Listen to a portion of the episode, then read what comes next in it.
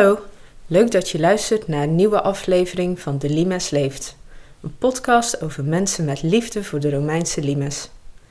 Mijn naam is Deborah en deze keer spreek ik met Emily Hemelrijk, hoogleraar aan de Universiteit van Amsterdam. Ze doet onderzoek naar vrouwen binnen het Romeinse Rijk aan de hand van inscripties.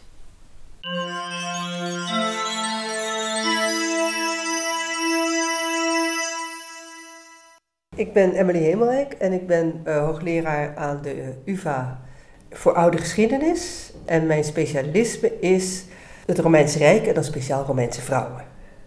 Nu werk ik bij het Albert Pearson. Ja. Dus ik weet dat uh, Jaap Hemelrijk, dat is oud-directeur, dat dat jouw vader is. Ja, klopt. Zijn interesse voor de oudheid, heeft u dat in je jeugd misschien beïnvloed? Ja, dat, het is eigenlijk nog erger. Uh, niet alleen mijn vader was klassicus, maar ook mijn grootvader was klassicus. Die was, uh, heeft klassieke talen gestudeerd en is rector geworden van het Murmelius uiteindelijk in Alkmaar. Dus ik ben ja, toch wel erfelijk belast, kan je zeggen. Nou was het niet zo dat ik altijd al dacht dat ik klassieke talen zou gaan doen. Want ik vond het wel altijd heel leuk. Maar in eerste instantie wilde ik dierenarts worden. En stond ik voor de keuze dus alfa of beta. Ik wilde alleen maar beta vanwege dat ik dierenarts wilde worden. En dat is afgeblazen omdat ik bezwaar had tegen die proeven die je dan moet doen, waar je voor je dieren moest doodmaken. Ik heb nog nagevraagd of dat ook zonder kon, maar dat kon toen zeker niet. En toen ben ik alfa gegaan. Anders was ik beta gaan doen. En toen ik dus alfa was, toen vond ik de klassieke talen toch wel verreweg het leukste. Dus vandaar. Nu is jouw specialisatie, als ik het goed heb, is inscripties? Nou, nee hoor. Niet, nou, dat heb ik er een beetje van gemaakt. Nee hoor, ik ben, ik ben eigenlijk gewoon klassica met hoofdvak uh, oude geschiedenis. Ik ben ook nog een keer in de archeologie afgestudeerd. Dus ik heb die belangstelling voor, het, voor die twee kanten. En ik ben met mijn eerste boek gewoon met uh, de literaire bronnen aan de slag gegaan. Maar wel al over vrouwen. Dat wilde ik al heel lang. En omdat ik daarna iets anders wilde, maar wel iets met vrouwen had ik een beetje het gevoel, die literaire bronnen zijn zo bekend, die, die worden een beetje afgezaagd. Iedereen kent ze en iedereen heeft er wel iets over te zeggen. Ik dacht, ik wil nieuwe bronnen. En toen ben ik gaan zoeken naar uh, inscripties, waar ik nog helemaal nooit iets aan gedaan had. Dus ik heb mezelf dat vak een beetje aangeleerd. En dacht toen ik met mijn onderzoek begon van, nou, ik wilde kijken naar vrouwen in het publieke domein, die dus echt iets gedaan hadden voor een stad. En ik dacht, nou, wat zal ik vinden? 300 inscripties. En dat was dus totaal anders. Uiteindelijk vond ik er 1400 en toen dacht ik, nu ga ik stoppen, want ik kan het niet meer overzien anders. Dus daar heb ik toen een boek over geschreven. Waarom juist die keuze voor vrouwen? Oh, die is al heel oud. Eigenlijk kwam het door het feminisme in de jaren 70 en vrouwenstudies die opkwamen. En ik studeerde in die tijd. Ik vond dat ontzettend leuk. En de oudheid is altijd wat trager. Dus het duurde eventjes voordat dat ook bij de geschiedenis van de oudheid doordrong. Ik denk dat het eerste echte boek was wat ons allemaal de ogen opende, was een boek van Sarah Pomeroy. Goddesses, Horse, Wives and Slaves heette het. Het ging over alle type vrouwen in één boek. Dat zou nu niet meer kunnen. Maar toen was het ineens duidelijk, god, er is veel meer. En, en dat was gewoon nieuw onderzoek. Dat was ontzettend leuk. Dus ik heb hier in Amsterdam toen als studentassistent gewerkt en ik heb daar ook colleges gegeven. En ik ben begonnen met colleges over vrouwen in de Romeinse wereld te geven, werkgroepen. En ik had echt met die studenten het gevoel van we zitten nieuw werk te doen. Dat was ontzettend leuk. in het begin hebben we de werkstukken van de studenten ook gebundeld en dat hebben we ter hand gesteld aan het eh, archief voor de vrouwenstudies. En ja, dat werd daar ook keurig in de bibliotheek gezet. Dat was, dat was heel erg leuk om, om zo'n nieuw, nieuw werk te doen. Dus ik wilde eigenlijk al mijn eindscriptie, mijn doctoraalscriptie heette dat toen, schrijven over vrouwen. Maar ja, dat mocht niet. Ik had een hoogleraar die nog niet zo erg gegrepen was hierdoor. En die zei, ach vrouwen, daar is niks over te zeggen. Hij zei letterlijk, ze deed het huishouden en ze spon wol. Wat een citaat uit een inscriptie was. Dat was wel knap van hem, dus dat wist hij wel. Maar het is natuurlijk precies het, ideologische voorbeeld dat ze alleen het huishouden deed en wolspon. Ik wilde juist uitzoeken wat ze nog meer deed. En dat mocht niet. Vond hij te weinig hoopgevend. En uit een soort recalcitrantie heb ik gezegd, zal ik het dan maar over dieren doen? Ten slotte had ik vroeger dierenarts willen worden. En toen zei hij, ja, goed onderwerp. dat heb ik toen gedaan. Noodgedwongen. Maar veel later heb ik toch die vrouw weer opgepakt en heb ik daar wel mijn proefschrift over geschreven. Bij een andere universiteit.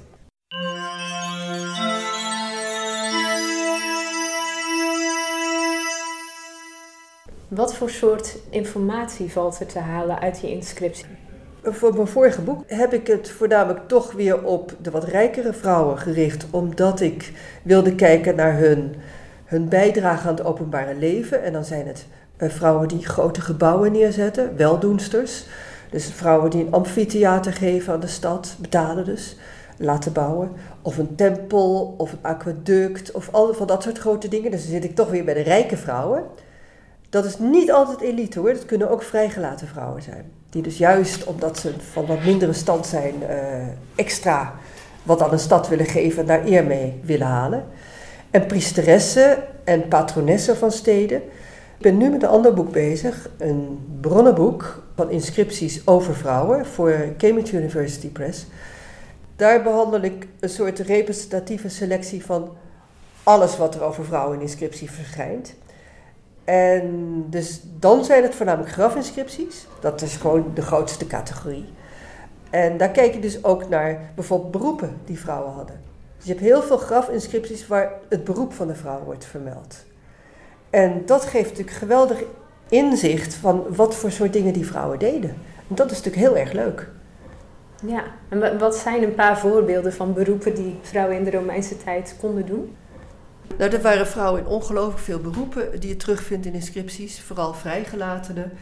Ik noem maar schoenmakers, juweliers, naaisters, linnenweefsters, stenografen, secretaresses, bakkers, kapsters, purperververs, muzici, actrices, danseressen, herbergiersters, loodgieters ook, winkeliers, handelaren in wijn, olijfolie, vis, groenten, etc. Behalve de zware beroepen. Oh, wel, we hebben vrouwen nog die in de mijnen werken. Maar de echte zware beroepen, dus in de bouw zie je ze niet veel. Je ziet ze niet in het leger eigenlijk, tenminste niet als vechters. Wel als uh, mensen die andere taken in het leger vervullen. Maar dat is wel bijzonder dan, want er is dat stereotype beeld van Romeinse vrouwen horen thuis, te, te blijven. Ja. Het leuke is dat, dat je ziet dan heel duidelijk wat je al vermoedt dat het idee dat Romeinse vrouwen thuis horen te zitten, dat het ideologisch is. Het is gewoon het idee van daar horen ze te zitten. Dat betekent niet dat ze daar daadwerkelijk zaten. En het betekent zelfs niet dat ze daar konden zitten, want vrouwen uit de lagere klasse moesten gewoon werken. Dat was gewoon noodzaak voor hun inkomen.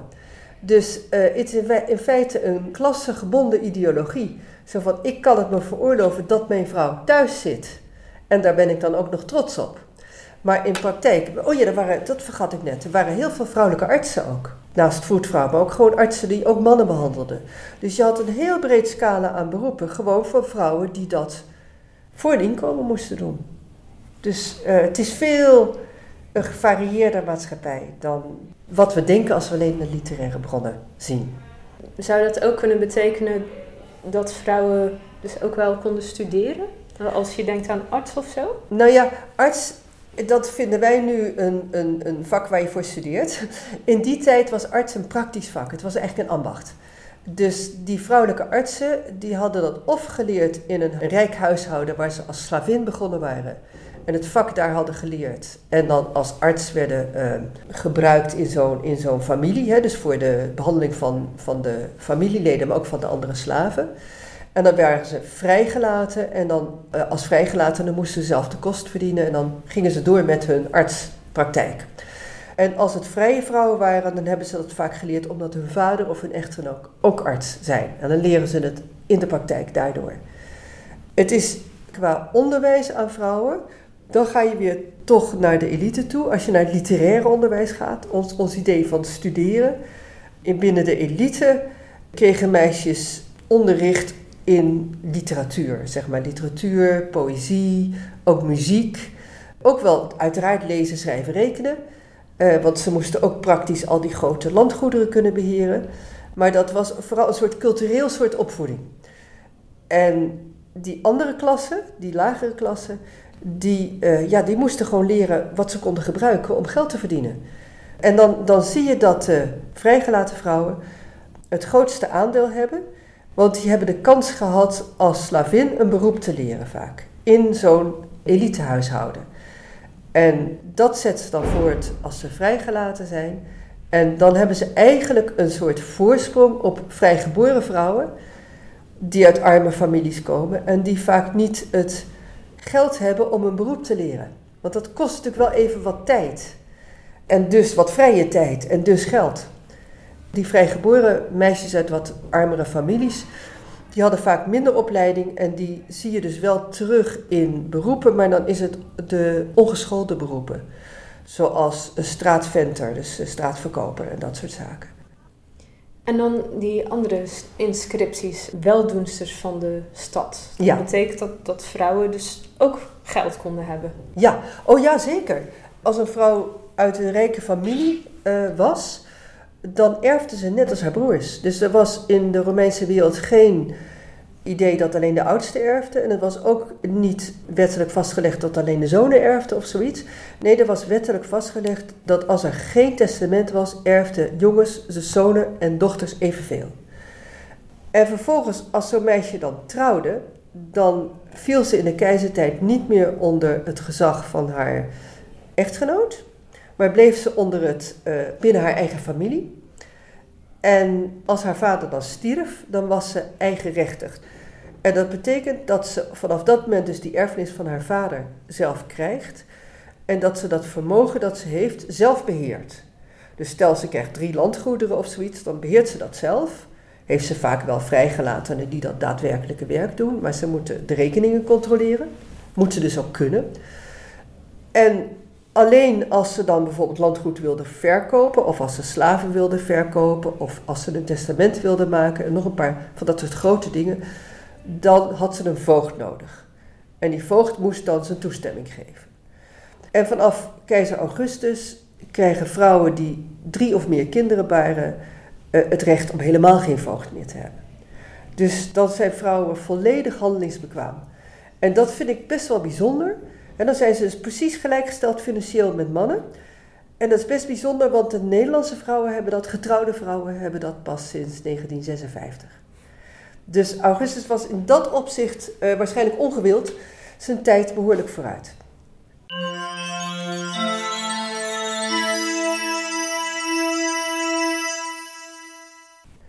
In onze landen is natuurlijk de limes, de, de grens, een belangrijk onderdeel. Dat is toch een militair gebied. Ja. Is zij ook dan bekend, misschien dankzij grafinscripties, dat er ook vrouwen meereizen met dat leger? Ja, en dat, daar is heel erg veel nieuw leuk onderzoek, vooral door archeologen, gedaan naar eh, vrouwen in dat leger.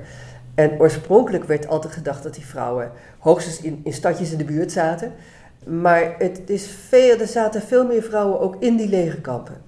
En dat kan je aan inscripties zien. Er reisden vrouwen mee, dus niet alleen echtgenotes reisden mee met die soldaten. Maar je hebt ook soldaten die hebben hun zus meegenomen of hun moeder. En die vind je dan terug in die grafinscripties. Van soldaten die voor hun moeder iets neerzetten of voor zijn zus en, en wederkerig.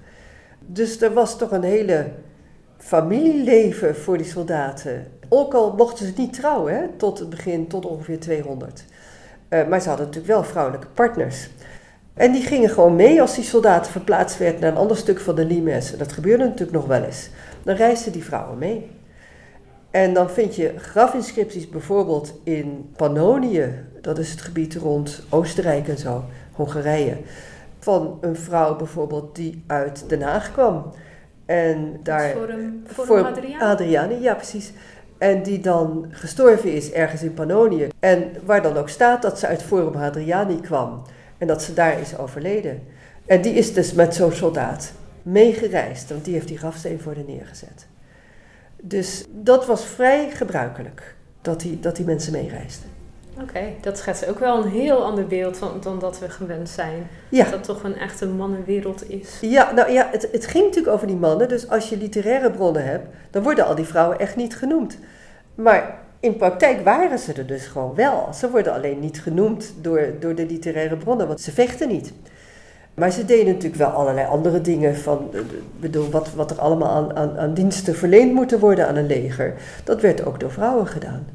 En je moet je voorstellen, als je eenmaal vrouwelijke partners hebt, krijg je natuurlijk ook kinderen die in dat kamp geboren worden. En het zijn natuurlijk jongens en meisjes. En die groeien daar op in het kamp. En die jongens, die hadden we altijd wel in beeld, want die worden vaak de volgende generatie soldaten. Maar die meisjes wordt nooit over gesproken. Maar die trouwden vaak met die volgende generatie soldaten. Met anderen die ze in dat leger hadden ontmoet.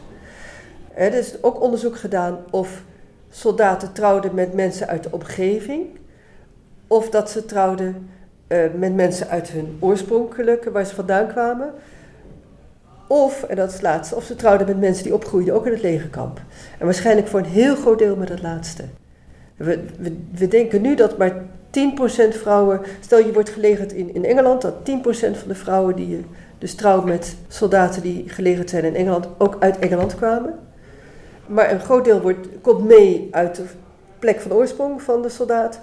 Of um, hij vindt zijn partner binnen die familiecultuur in dat leger.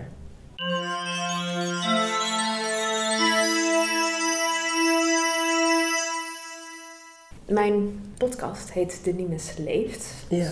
Heb jij misschien één voorbeeld uit je onderzoek van een inscriptie die je heel bijzonder vond?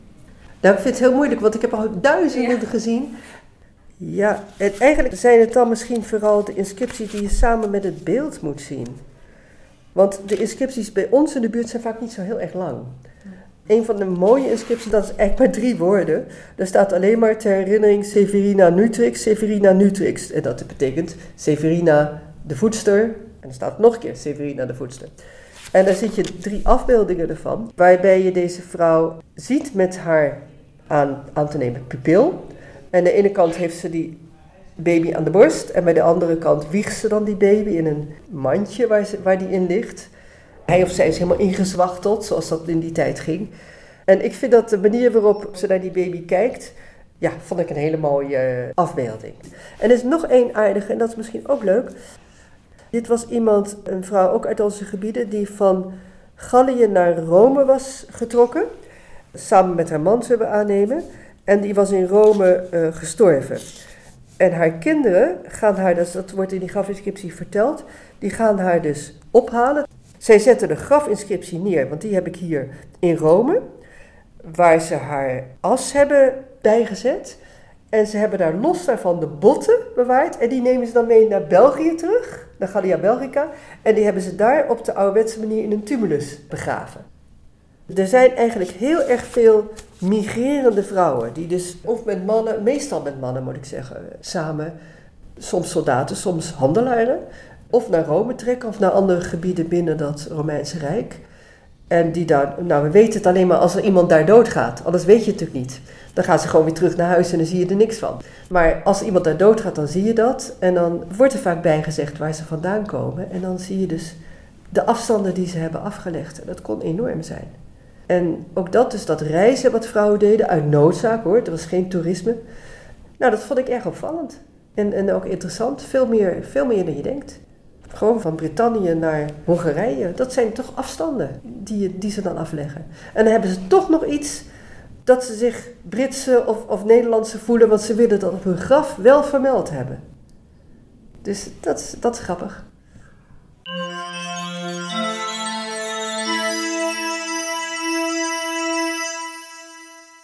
Vrouwen die meereizen met het Romeinse leger.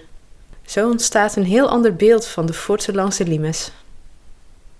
Volgende keer spreek ik met spellenmaker Martijn F. Hij heeft het Limes-spel ontwikkeld. Dus hou je van bordspellen? Luister volgende keer dan weer naar een nieuwe aflevering van De Limes Leeft. Je kunt je gratis abonneren via Spotify en iTunes.